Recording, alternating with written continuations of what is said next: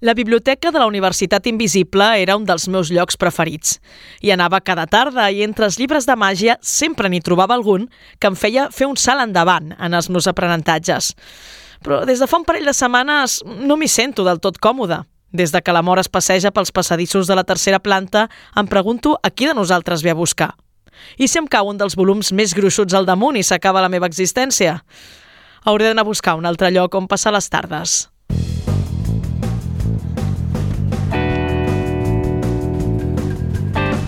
Quimèric, amb Karen Madrid. Benvinguts al Quimèric. Hi ha autors que deixen petjada, hi ha autors que creen mons propis, que els lectors es fan seus i els fan créixer d'alguna manera.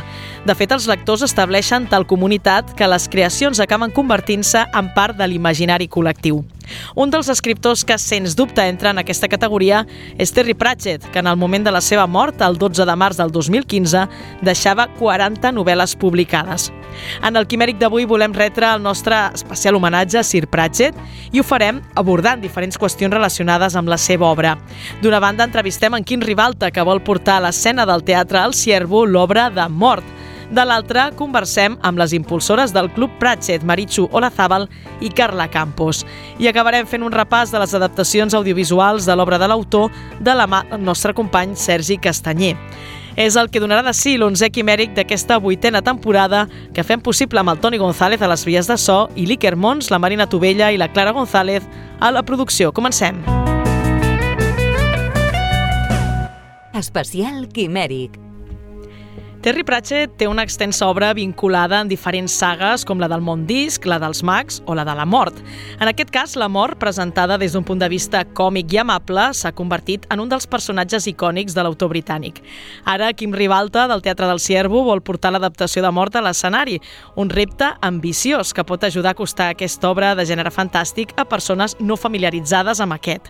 El muntatge s'estrenarà el 24 de febrer i es podrà veure dissabtes i diumenges al Ciervo de Sabadell fins al 10 de març. I per saber-ne més detalls parlem amb el seu director, el Quim Ribalta, amb la Laia Perea, que interpretarà la princesa Kelly, i el Jordi. Sala Sallera, ja ho direm bé, que interpretarà la mort. Benvinguts tots al Quimèric. Hola, Hola, benvingut. I abans d'entrar amb vosaltres també presentar dues convidades que tenim que, que volem debatre també amb elles perquè són molt importants per nosaltres, que són la Carla Campos i la Maritxo Lazábal, que són la, les impulsores de, del Club Pratchett. Benvingudes. Gràcies. Bona tarda. La Maritxo la tenim virtualment, però, però bé, estem aquí per debatre sobre les obres de Terry Pratchett, sobre per què ens agrada tant i per què agrada tant aquest autor. Però comencem per aquesta obra de teatre, no? aquesta que, que esteu impulsant al Ciervo, i et vull preguntar, Quim, a veure d'on surt la idea de, de portar a l'escenari Terry Pratchett, que potser doncs, no vindria a ser el target no, del Ciervo, Uh, no, no ho és. Bueno, però tampoc tenim target, fem coses allà. Nosaltres allà fem coses i, i a vegades ve catalans gent... en general. Sí, Sí. sí. a vegades ve gent i a vegades no. És una tradició no que tenim. res. Sí, fem coses. Uh, D'on ve la idea? Doncs la idea ve de fa... Tu, quan es va editar això, fa 20 anys, uh, sí, doncs fa uns... Sí, si no 20, gairebé, que vaig passar un dia per Gigamés i vaig comprar la versió... Oh, l'obra, versió teatral, Terry Pratchett, tal, no sé què. No havia llegit mai res de Terry Pratchett encara. I me'l vaig endur a casa i he anat de casa en casa, de mudança en mudança, pensant, algun dia la farem. La vaig llegir em va agradar molt, em va semblar molt, molt divertida. I doncs, va haver un moment fa un parell d'anys que eh, no teníem produccions per, el, per aquest curs, per el curs 23-24, i o la temporada 23-24, i vaig dir, és el moment.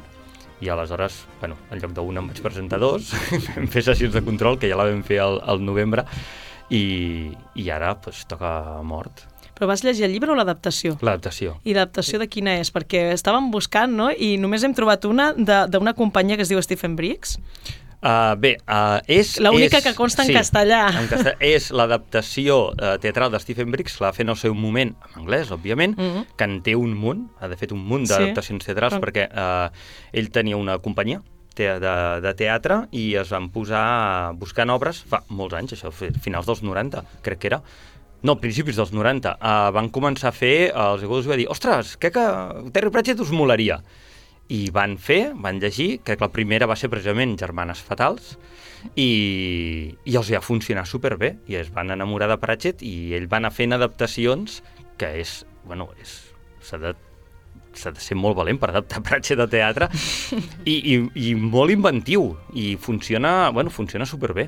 Pues, ara m'he perdut de què parlàvem, d'això, com he arribat aquí, pues això ell ho va fer. I una companyia de Barcelona eh, la va agafar, la va traduir tres persones la van traduir que estava aquí, pues, el, aquest, la Sílvia Sant Feliu, la Sílvia Santa Maria i el Miguel Àngel Parra en el seu moment la van traduir per fer-la per fer-la. Aquesta traducció no, no la teníem controlada. Que és aquesta. Uh Ah. -huh. Aquest llibre és la traducció la van fer ells i es va fer i es va representar. De fet, al final hi ha fotografies d'aquesta representació a Barcelona, d'aquesta de mort. I a part d'haver-te llegit aquesta adaptació, havies llegit Pratchett? Quina era la teva relació amb aquest autor? No, no, en el moment que vaig comprar va, em sonava Pratchett, em sonava Dismont, però no n'havia llegit res. Aleshores, el meu primer contacte amb Pratchett va ser una obra de teatre. Mm. Ui, és de, és de valents, eh? Sí. De sobte a ficar-se en un univers com el de Terry Pratchett, el, el Dismont, no? en una adaptació teatral. No, perquè Mort és una altra de les línies i potser és més fàcil d'entrar per una d'aquestes altres línies que per al Dismont. Per experiència personal, no sé, Carla, Bueno, clar, Maritxo, Dismont. no sé vosaltres si esteu d'acord, eh? intervé, què? què dir? Home, a veure, el problema que té el Dismont, problema entre cometes, és que al final, com tot primer llibre, per dir-ho així, que no va ser el primer llibre eh, del Terry Pratchett, eh? però sí que és cert que el primer llibre de, del Dismont, que és eh, La llum fantàstica, no, El color de la màgia, El color de la màgia. Eh, és una mica més densa, perquè és una història que és una... mm, Bueno, es vol riure una mica no? de tot el lore, de tot el folklore, per dir-ho així, de la literatura fantàstica. Llavors, clar, si tens aquest baigatge d'haver llegit pues, eh, Cthulhu, eh, jo què sé, eh, bueno, els clàssics, vale? El Senyor Sí. dels Anells, etc etc, pues et farà més gràcia. Si entres de primeres una mica en la fantasia i una mica en aquest llibre, potser et costa més.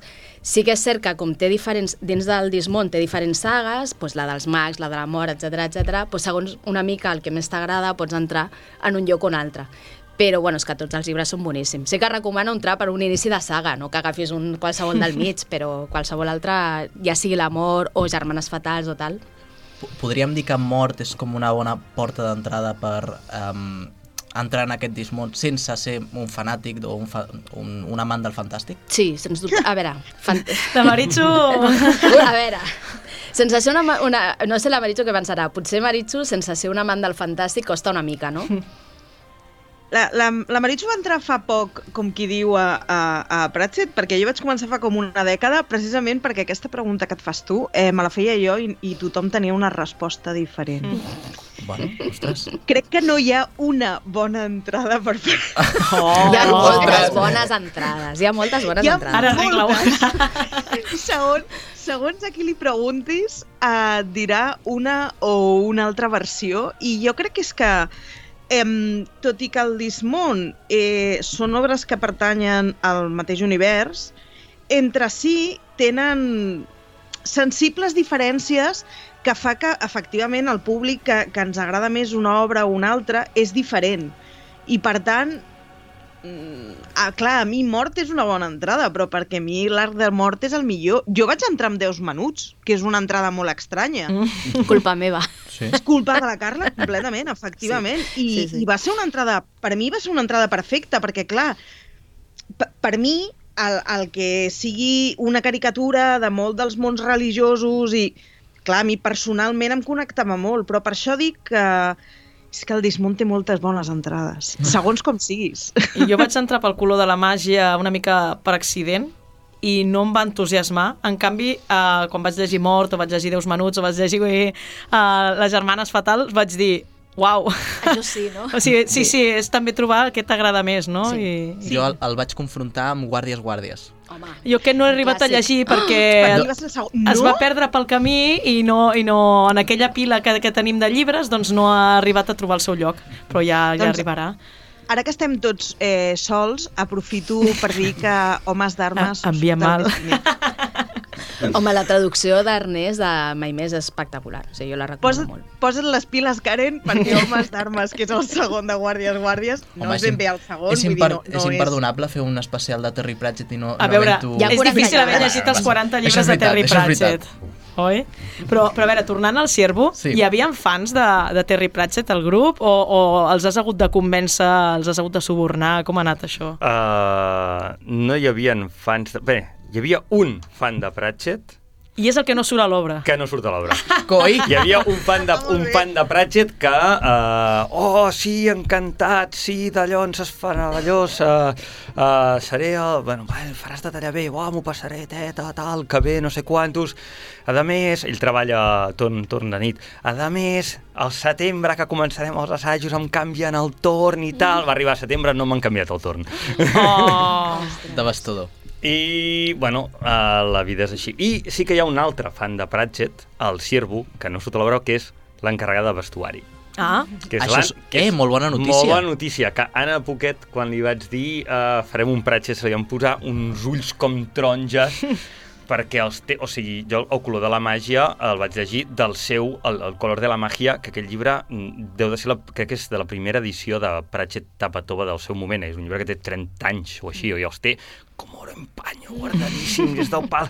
Torna, te l'has acabat, ja torna mal que com li passi alguna cosa llibre. Ara, ara que sí, sí, sí. L'has no, no, tornat? L'he tornat, l'he tornat, l'he tornat. No, no, és que s'estaven els oients preocupats ja. Preocupadíssims. No, clar, és que sabia que o li tornava o no em feia vestuari, aleshores li vaig haver de Clar. tornar. I, i Bueno, això, crec que el vestuari era la teva última preocupació.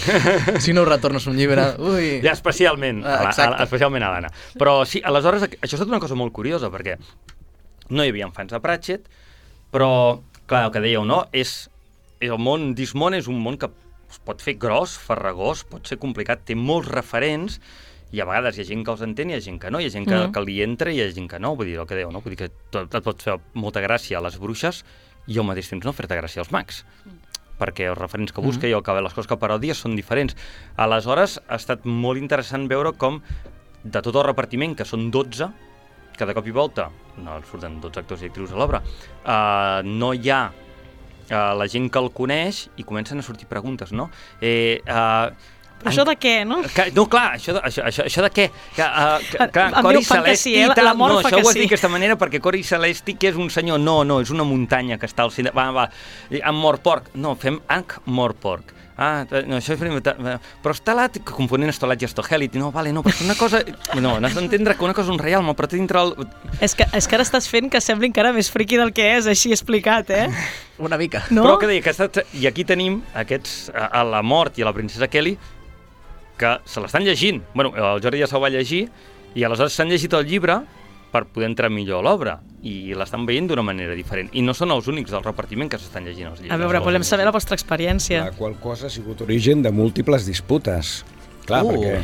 Ah, escolta'm, aquesta frase eh, ahir mateix de, Sí, ahir ma- hi havia no. una escena que anàvem amunt i avall Sí, que dius, a un mes sí. us ho podria, us ho podria haver tingut el dubte existencial abans, no? Aleshores, jo vaig als assajos sempre amb el llibre, perquè quan hi ha alguna...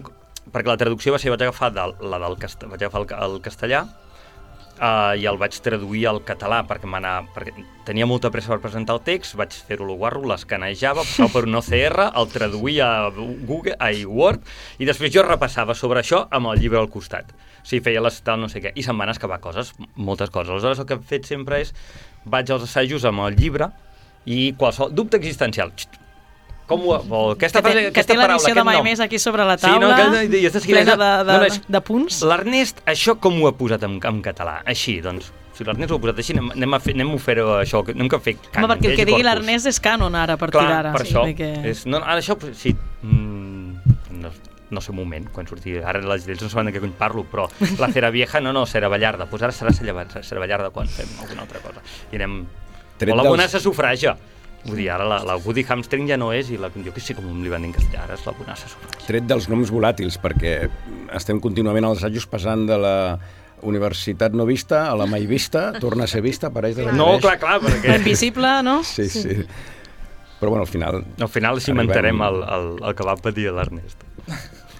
No sé, Laia, per tu, com, com està sent l'experiència de llegir Pratchett? Doncs la veritat és que molt curiosa perquè jo sí que bueno, sóc una gran aficionada a la lectura, no coneixia Pratchett, l'Anna Poquet, que ha comentat el Quim, quan es va enterar que fèiem Terry Pratchett i que sortia l'obra i que feia Princesa Kelly, per poc implosionada l'emoció.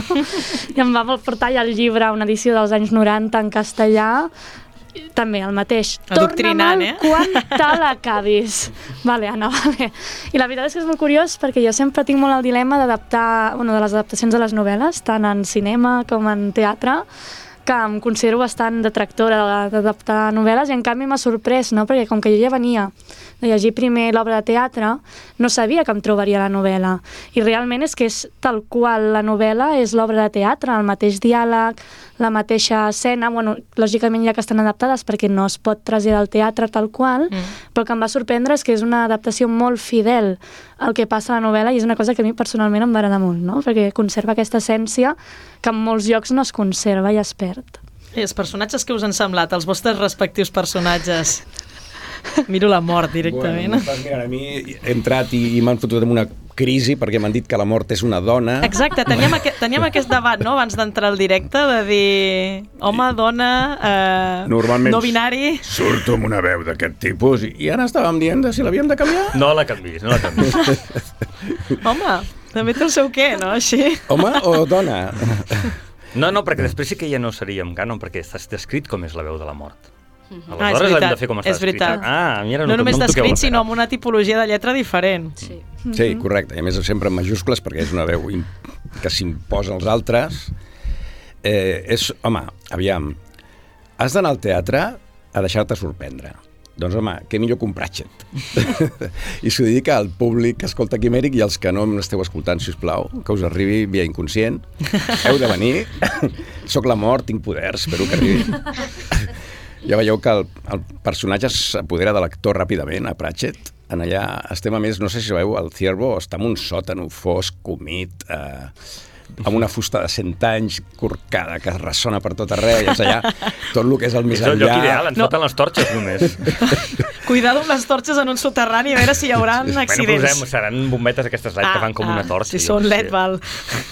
Llavors, bueno, jo el que es demano a la gent és que, a veure, què millor per un friqui lector de Pratchett, que està acostumat a veure la ciència-ficció sempre des del multimèdia, putos efectes especials a tope, etc, que venir a un teatre del segle passat, o dos segles, quants? No, No, és un, un, un, un, un, no ens facis més vells, 102 a, anys. a patir fred i veure'l més enllà, de, en primera persona.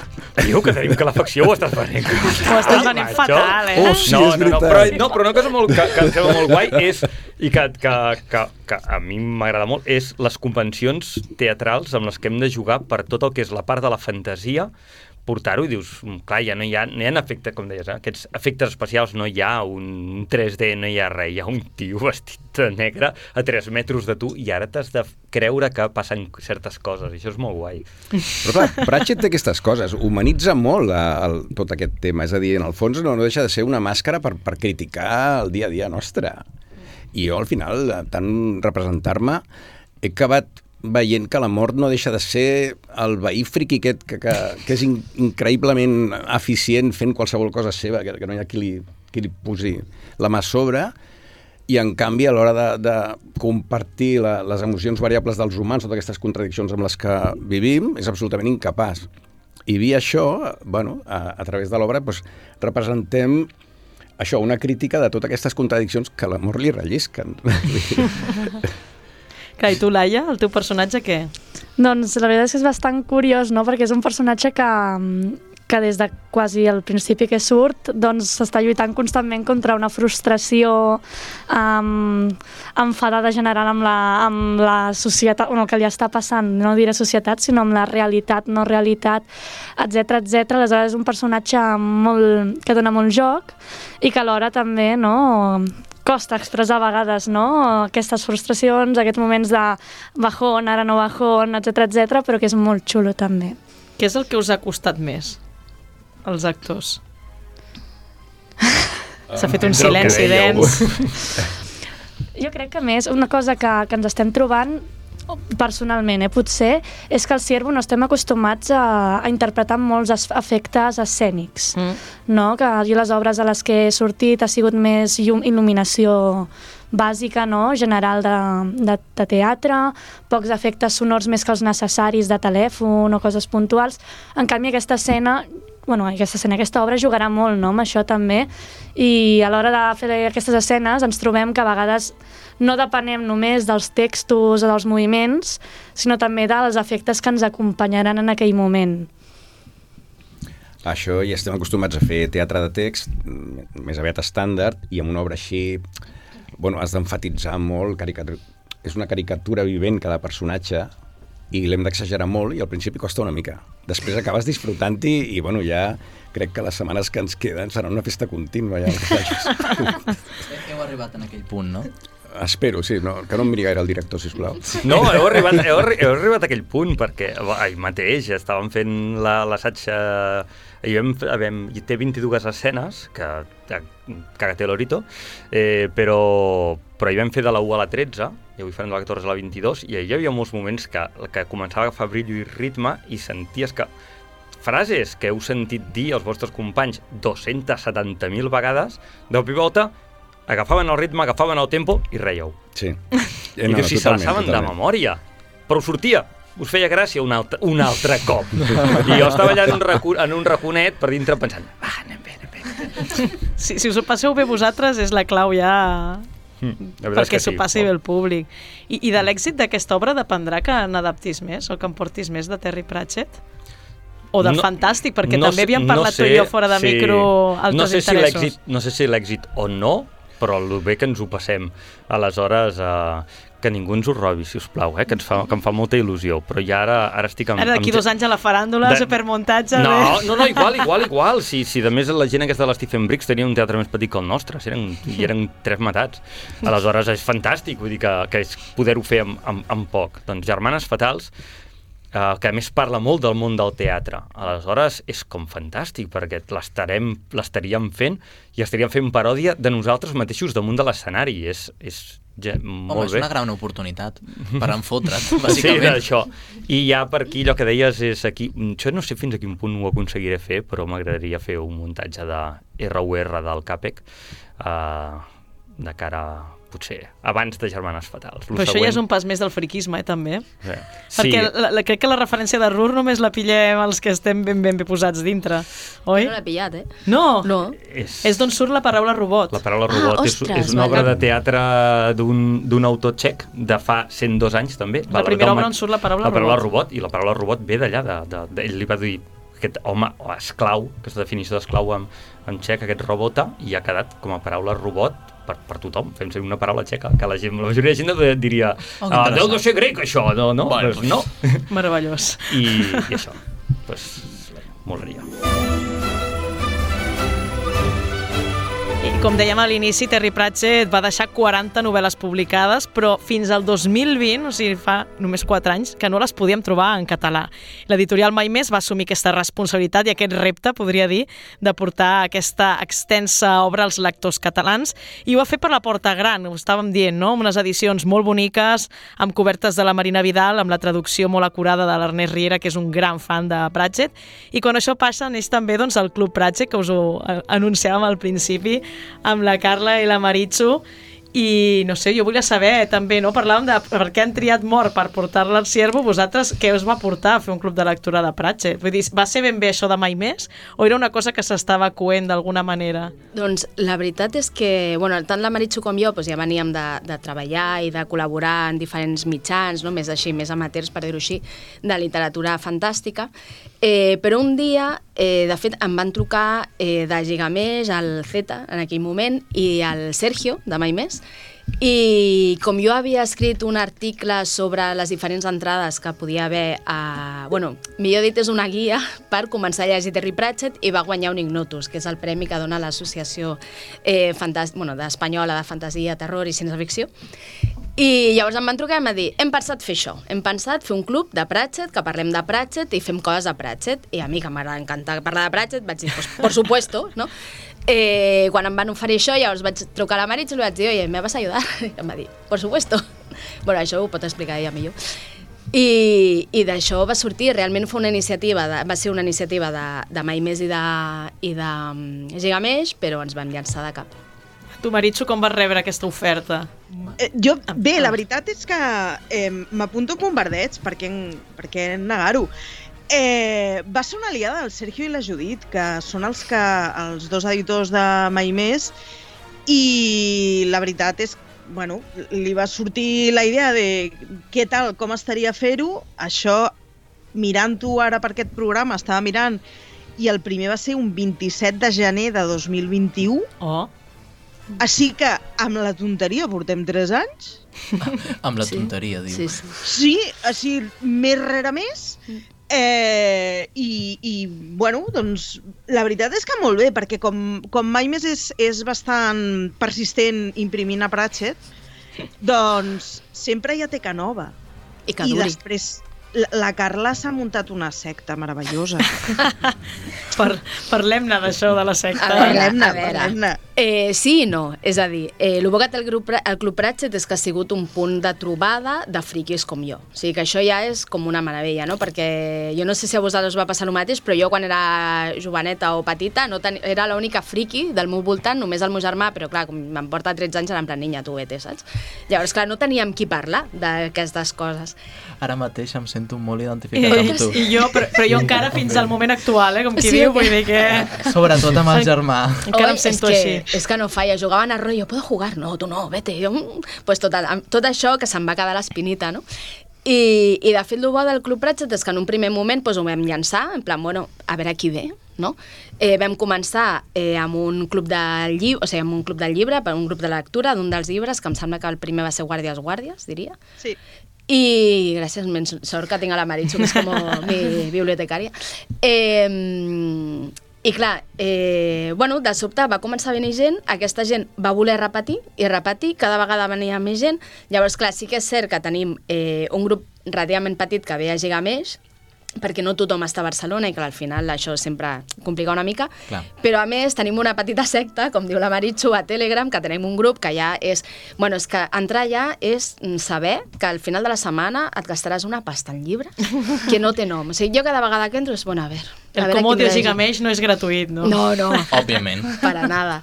I, I la veritat és que eh, al final s'ha fet un grup pues això, molt afí, molt diferent, perquè hi ha de tot, però el més important, o el que a mi m'agrada més, és que és gent molt diferent. Tenim escriptors, escriptores, bibliotecaris, eh, informàtics, tenim de tot. Fins i tot tenim un, un noi, bueno, tenim ja un noi que és, eh, fa arts marcials i ensenya arts marcials. És és una passada, és una passada. Ui. Sí, sí, I edats? molt. Forquilla d'edat? Pues hi ha de tot. Hi ha un tot. noi que té bueno, eh, 18, 19, no sé, superjovenet, i Ai. després tenim gent molt més gran, 50, o sigui, 50, molt més gran, a veure, que jo tinc 40, eh? però vull dir, 50 i pico. Més gran que el de 18.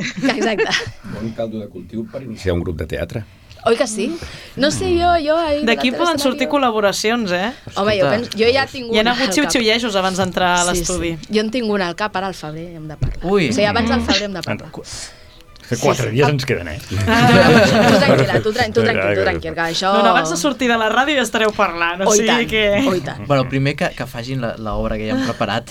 No, Sí. no, potser abans. Sí, No, jo penso que sí, jo penso que sí, que podrem parlar abans. A veure, ja, ja parlarem, ja parlarem. Però el guai és això, i sobretot per posar un exemple, no? la, eh, la setmana, el, la, el dia 10 vam fer, normalment el fem, el Club de Pratchett el fem l'últim dimecres de mes, però aquest mes, com fan obres de Gigameix, ens van demanar si ho podíem fer abans, i ho vam fer el, el 10 de, de gener. I vam fer el club de lectura de Germanes Fatals, precisament. I com deies abans, que és un llibre satíric total del món del teatre, és una meravella. Mira, se'm posa la pell de gallina. És que és una meravella, però més meravella encara que estava la Mònica, que és una de les persones que estan dins del Club Pratchett, que és una supercrack de Shakespeare. I clar, jo em sé coses, però de sobte començava, sí, perquè llavors en aquesta pàgina va dir aquesta frase, que aquesta frase és del noche, el sueño de una noche de verano. I jo estava, saps, en plan, "Pues, contame más. Sí, al final la gràcia... Denle un micro. Sí, sí, no, no, li vaig donar el micro en plan, molt, pues te voy a preguntar a ti, saps? Perquè clar, al final la, la gràcia d'això és que no només fem els clubs de lectura i que fem parlar a gent i que al final juntem friquis, però friquis que tenim diferents backgrounds no? i diferents cultures que poden aportar, però també tenim altres programes que en- intentem parlar de, li de literatura fantàstica sempre des d'una mirada de Pratchett. No? I al final Pratchett és una excusa, igual que els seus llibres són una excusa per entendre millor el món, o és un mirall, no? Mm. El, els altres programes són una excusa per parlar de literatura fantàstica, que és el que ens agrada al cap i a la fi. T'anava t'anava a dir que jo crec que hi ha un avantatge i és que tant Gigamesh com Mai Més eh, donen màniga ampla per fer el que vulguem. Sí, Ja- és molt guai. Llavors, com, com mai diuen que no a res, doncs va, van perillós. sortint temes. Ja te digo. Jo el que estic pensant, espero que em deixin fer-ho amb tu. O sigui que, sí, sí. Ui, No, a veure, no pensem malament, no pensem no, malament. no, no. Em vol liar i això està bé. Clar. Llà- Llàstima que el Toni no té amb el Love is in the air. No, a veure, aquí quan juntes friquis passen coses. Sí, Sempre, no. sempre. Més enredades. Quan vam llegir el color de la màgia en el club de lectura del Quimèric, també Sí. ens va sorprendre que un dels assistents, la majoria d'assistents al club de lectura són normis, que s'apunten per entrar al Fantàstic. Va venir un superfan de Pratchett amb un desplegable eh, d'un metre cinquanta, més o menys, on hi havia les 40 obres enllaçades explicant quina era quina, eh, de quin... O sigui, a mi em va semblar meravellós i jo sé que ens escolta sovint, o sigui que, Josep, ets el... soc molt fan teva. O sigui, ets, Convidem a ets, Josep dels al meus Club preferi, ets dels meus preferits del club de lectura, o sigui que sí, sí, des d'aquell dia. Esperem que la resta del Club de Lectura no escolti aquest programa. Ja saben que, Que no hi hagi atacs de banyes. Karen, crec que eh, és fàcil que portés al plànol de la Fancueva. Sí, Pot ser, pot ser. Jo en aquell Em, moment estava fora, però va ser com, uau. Sí, sí. Hi ha, hi ha tres referències que són el plànol de la Fancueva, que el van actualitzant de tant en tant. Eh, L'article de la Carla està molt bé perquè mm, diguem que és molt, si t'agrada això, aquesta serà una bona entrada. Llavors està molt bé quan, quan estàs desubicat i una mica superat per el número de, de títols. Mm. I l'altre és que el Sergio, per l'expo per l'Expo de Pratchett del 42 de l'any passat, va fer un plànol d'Andrés de les obres bastant xulo. Mm. Que no sé si es pot aconseguir ara, perquè jo sé que amb la biografia es donava com a regal als primers exemplars, Sí.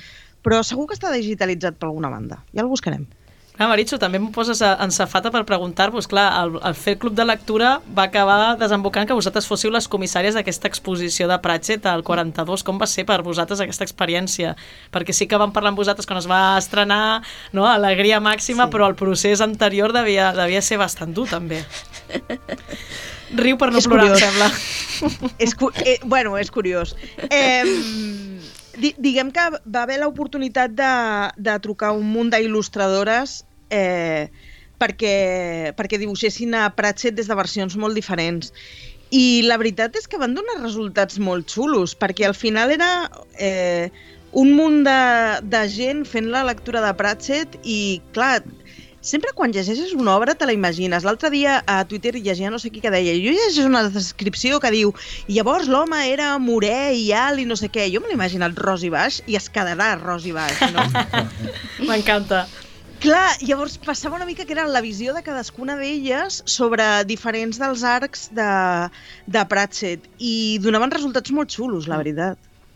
Que no sé si de, a partir de l'exposició també heu detectat un interès, per exemple, gent que no, conegués, no conegués Pratchett i que al passar pel 42 digui, ai, a veure, o us ha sumat més gent al club, per exemple, després de l'exposició. Això sí, després de l'expo va venir Sí. gent i de fet va haver gent que ens van dir, doncs, què sé, per exemple, hi havia un que és de- d'Andorra i ens va comentar que ell volia portar l'exposició a Andorra perquè fan un, un club del còmic, o no un club no, una fira del còmic o alguna així, i vull dir, al final aquesta gent doncs, eh, sí que és cert que és que van fer unes, unes il·lustracions tan boniques, entre elles la Marina Vidal va Sí. participar, bueno, va Sí. participar en total tu, eh, set, no? Van ser, Maritxu? Sí, set il·lustradores. Set il·lustradores. I, I el treball que van fer va ser espectacular. Bueno, és que increïble. Llavors això va cridar molt l'atenció.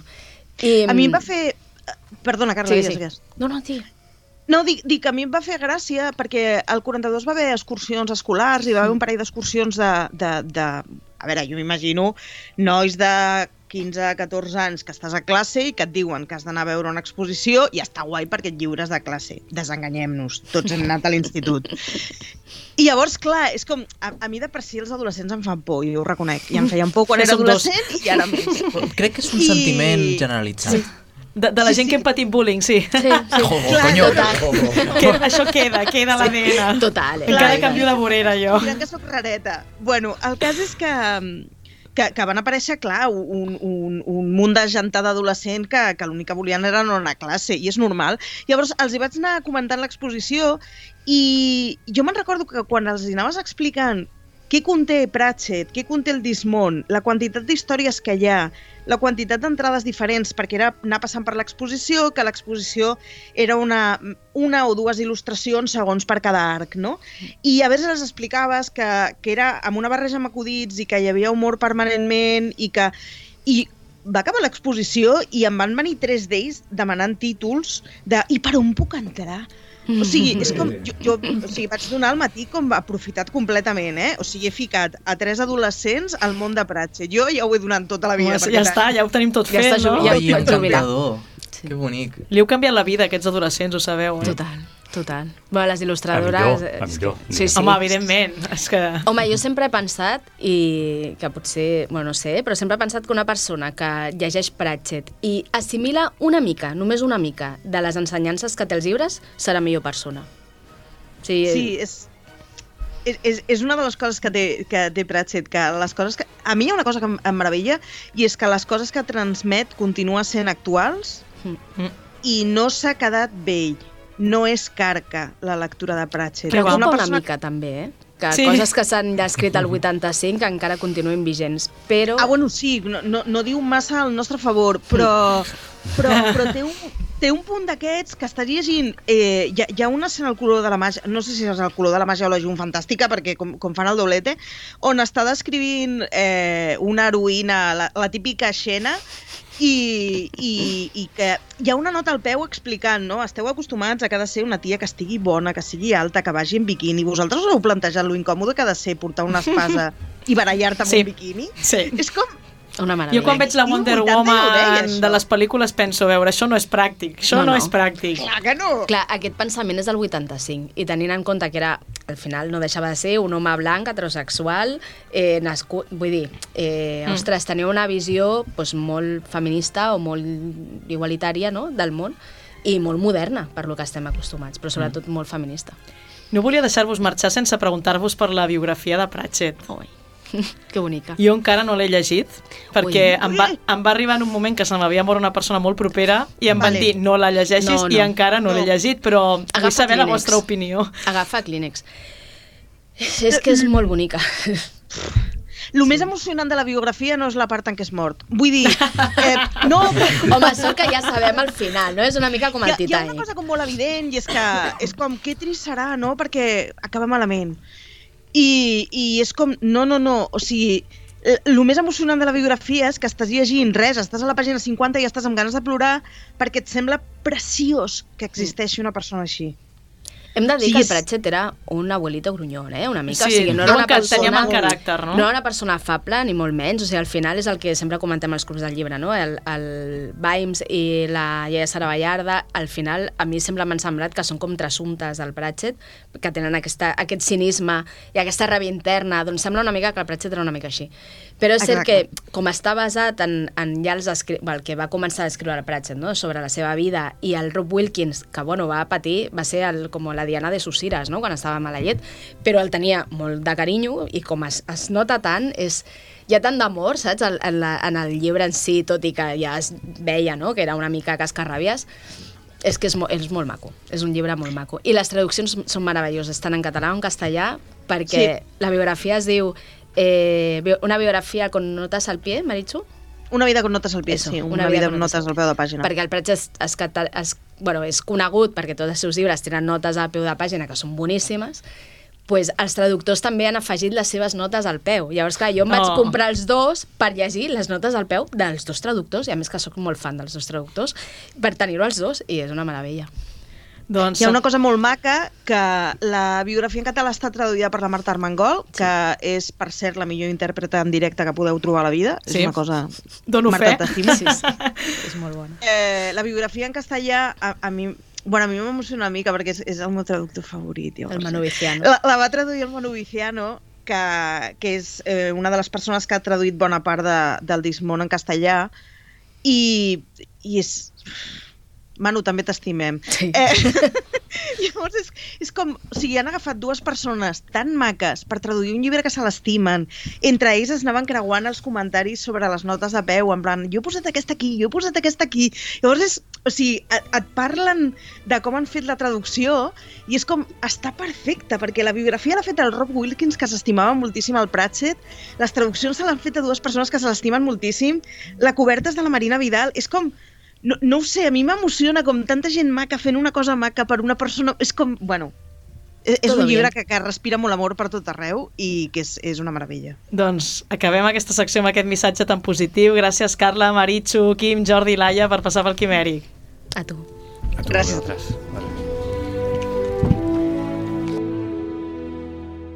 Gamers, trekkies, padawans i jetis, otakus, cinèfils, cosplayers, rollers. Tots ens trobem a Quimèric.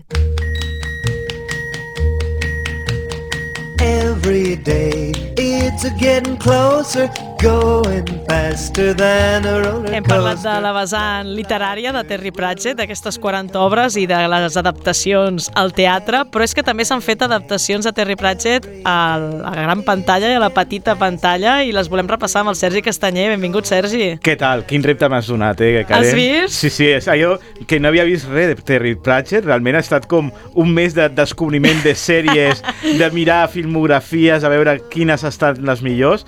He seleccionat dos. He seleccionat una pel·lícula d'animació pels més petits Mhm. per endinsar-se en el món de Terry Pratchett, que la podeu trobar a Movistar Plus, i una sèrie que podeu trobar a Prime Video. I quina sèrie? I quina sèrie? Quina sèrie, I eh? quina sèrie, sí, Perquè sí. no sé si us heu donat compte, però tenint en bucle aquesta cançó que serà tan eh, important per eh, la segona temporada. La segona temporada, correcte. Sí, Hem de dir sí, que sí. hem fet bé, no? Doncs d'avisar-te amb temps d'aquest programa, perquè si no... Sí, si no t'hagués dit, bueno, eh, en un cap de setmana va tindré ser que no, no? No, realment eh, les he disfrutat molt, eh, les dues propostes. Eh, comencem, si vols, primer per la peli Sí, i després per la sèrie. Vinga. que és la, la, la sèrie. doncs parlem de la, la peli que és eh, El asombroso Mauricio, que és l'adaptació de Amazing Maurice. Mm -hmm. És una pel·lícula per tota la família, de Mhm. dibuixos animats feta a Anglaterra i en 3D. I parla, doncs, això de... De quin any és? És del 2022. Ah, O sigui que realment... Jo o no, sigui, és molt nova. és molt, molt nova. El que és que és això, doncs, és aquest eh, imatge de 3D una miqueta Pixar, que millor la, la gent doncs, no acaba de, Sí. de, de quadrar perquè dius... Mm, és això, no? Doncs que no, no acaba de, de quadrar del tot.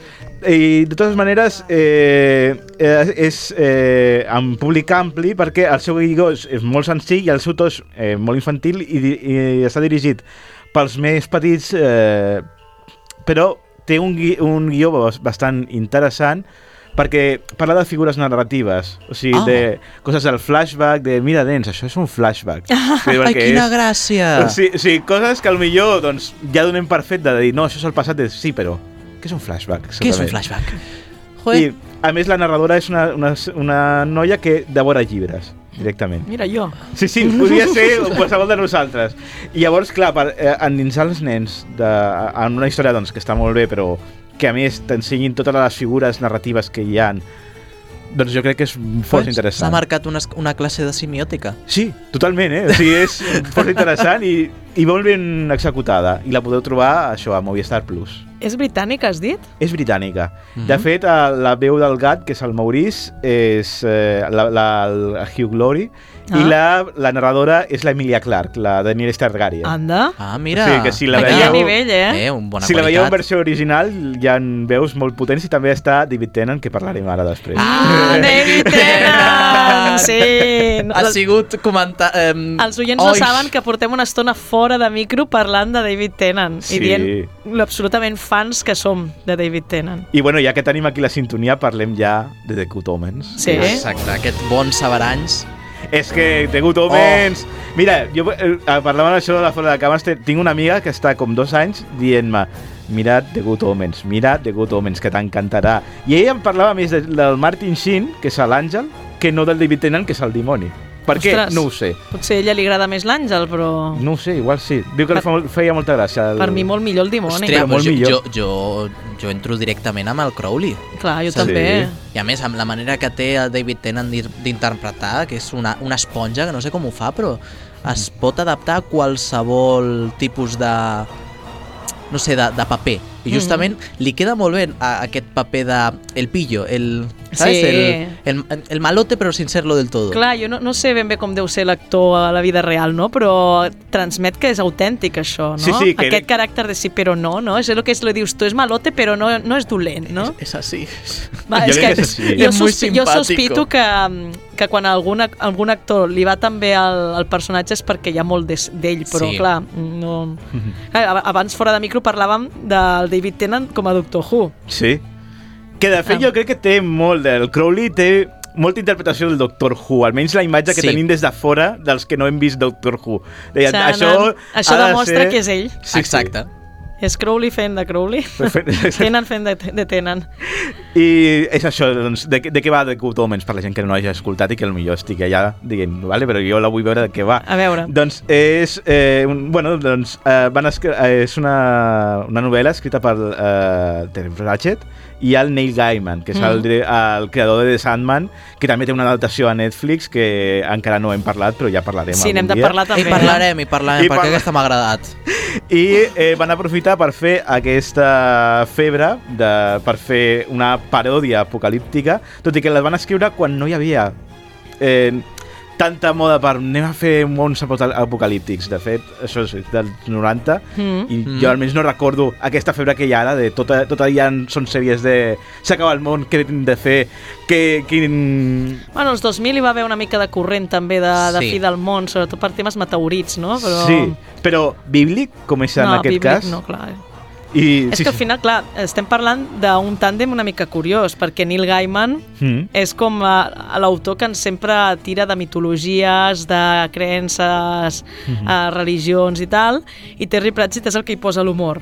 Sí, a més és que eh, es mesclen molt bé perquè és veritat que té aquest toc com molt mitològic, com que també hem vist a Sandman, Mm. però té aquest humor super british que és made in Terry Pratchett Sí. que te'l te fiquen allà i que és una, una sèrie que, tot i que estem parlant del fi del, fi del món i d'evitar l'apocalipsi per part d'aquests dos eh, personatges que són el, eh, el, el Cirafel, que és l'interpretat per Martin Sheen, que és l'Àngel, Mm. i el, eh, el Crowley, que és el dimoni, que és el David Tennant, Mm. que tenen una relació que, tot i que són antagonistes, com que hi ha una amistat d'amor-odi. Sí. que no poden estar vivint sense... jo crec que és sense- més amor codi, eh?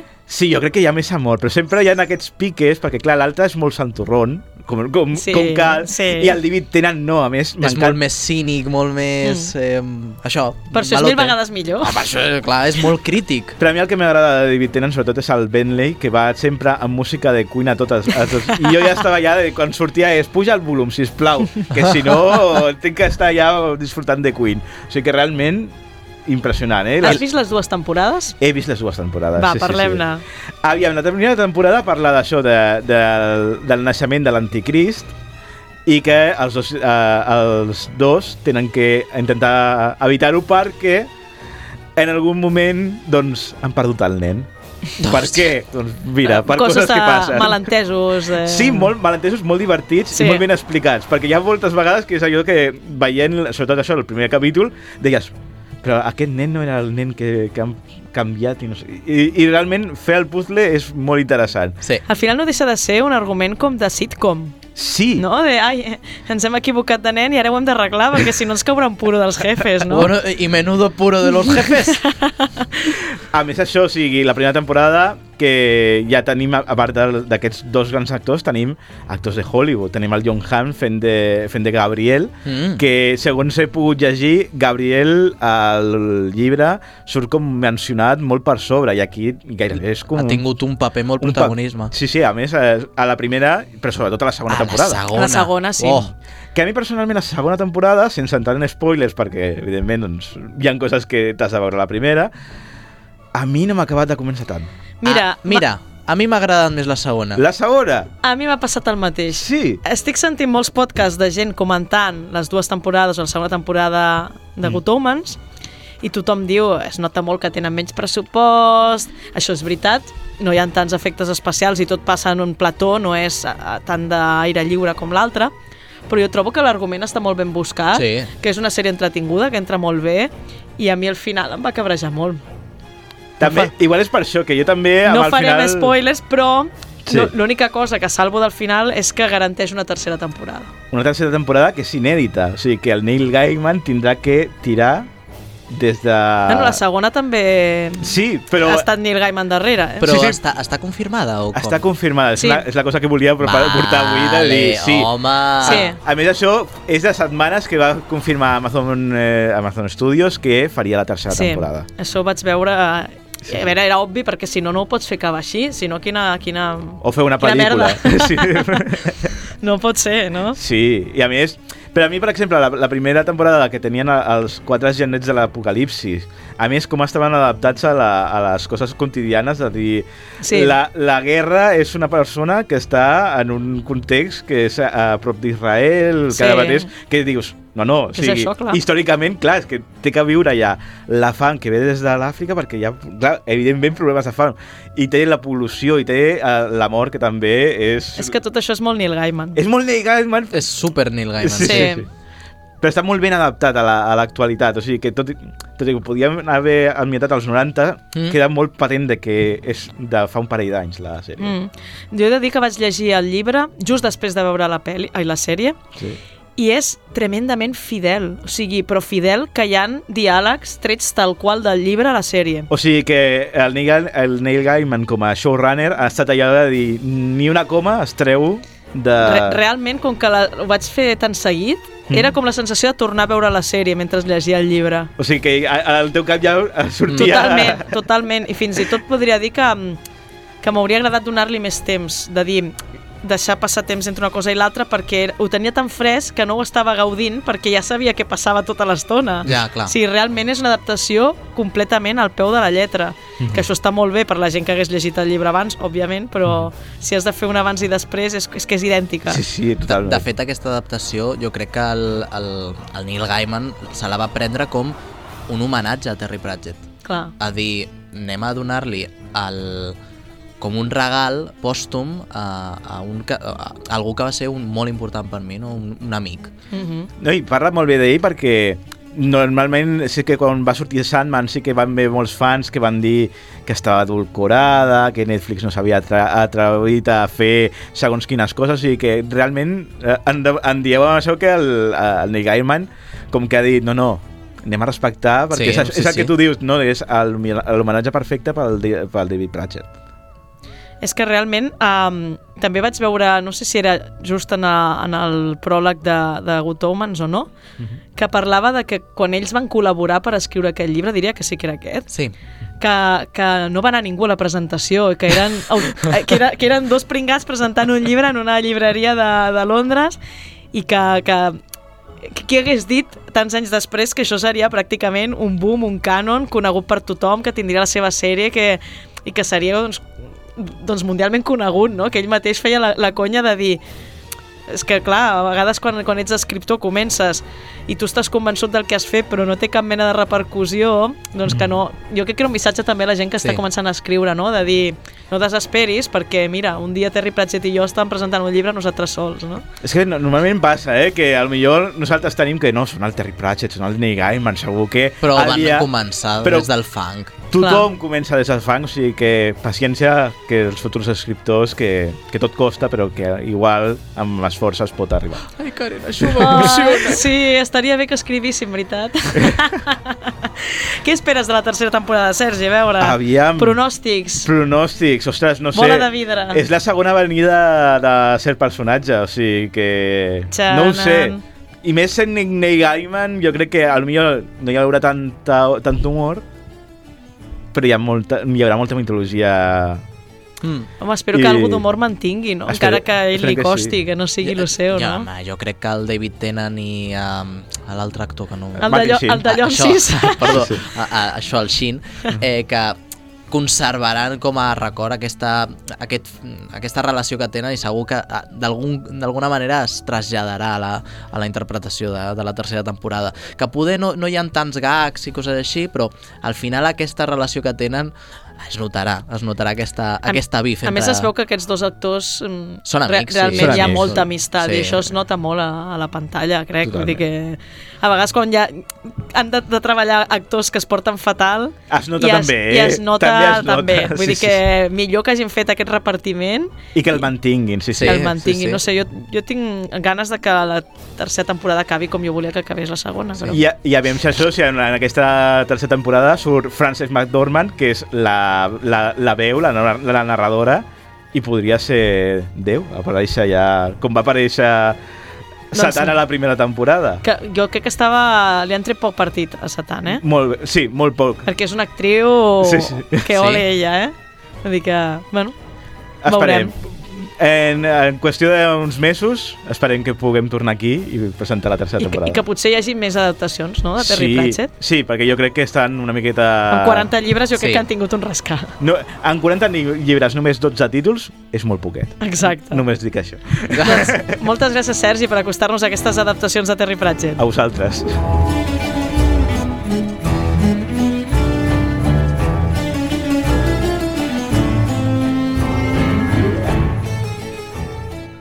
Quimèric, quan l'excentricitat es converteix en normalitat.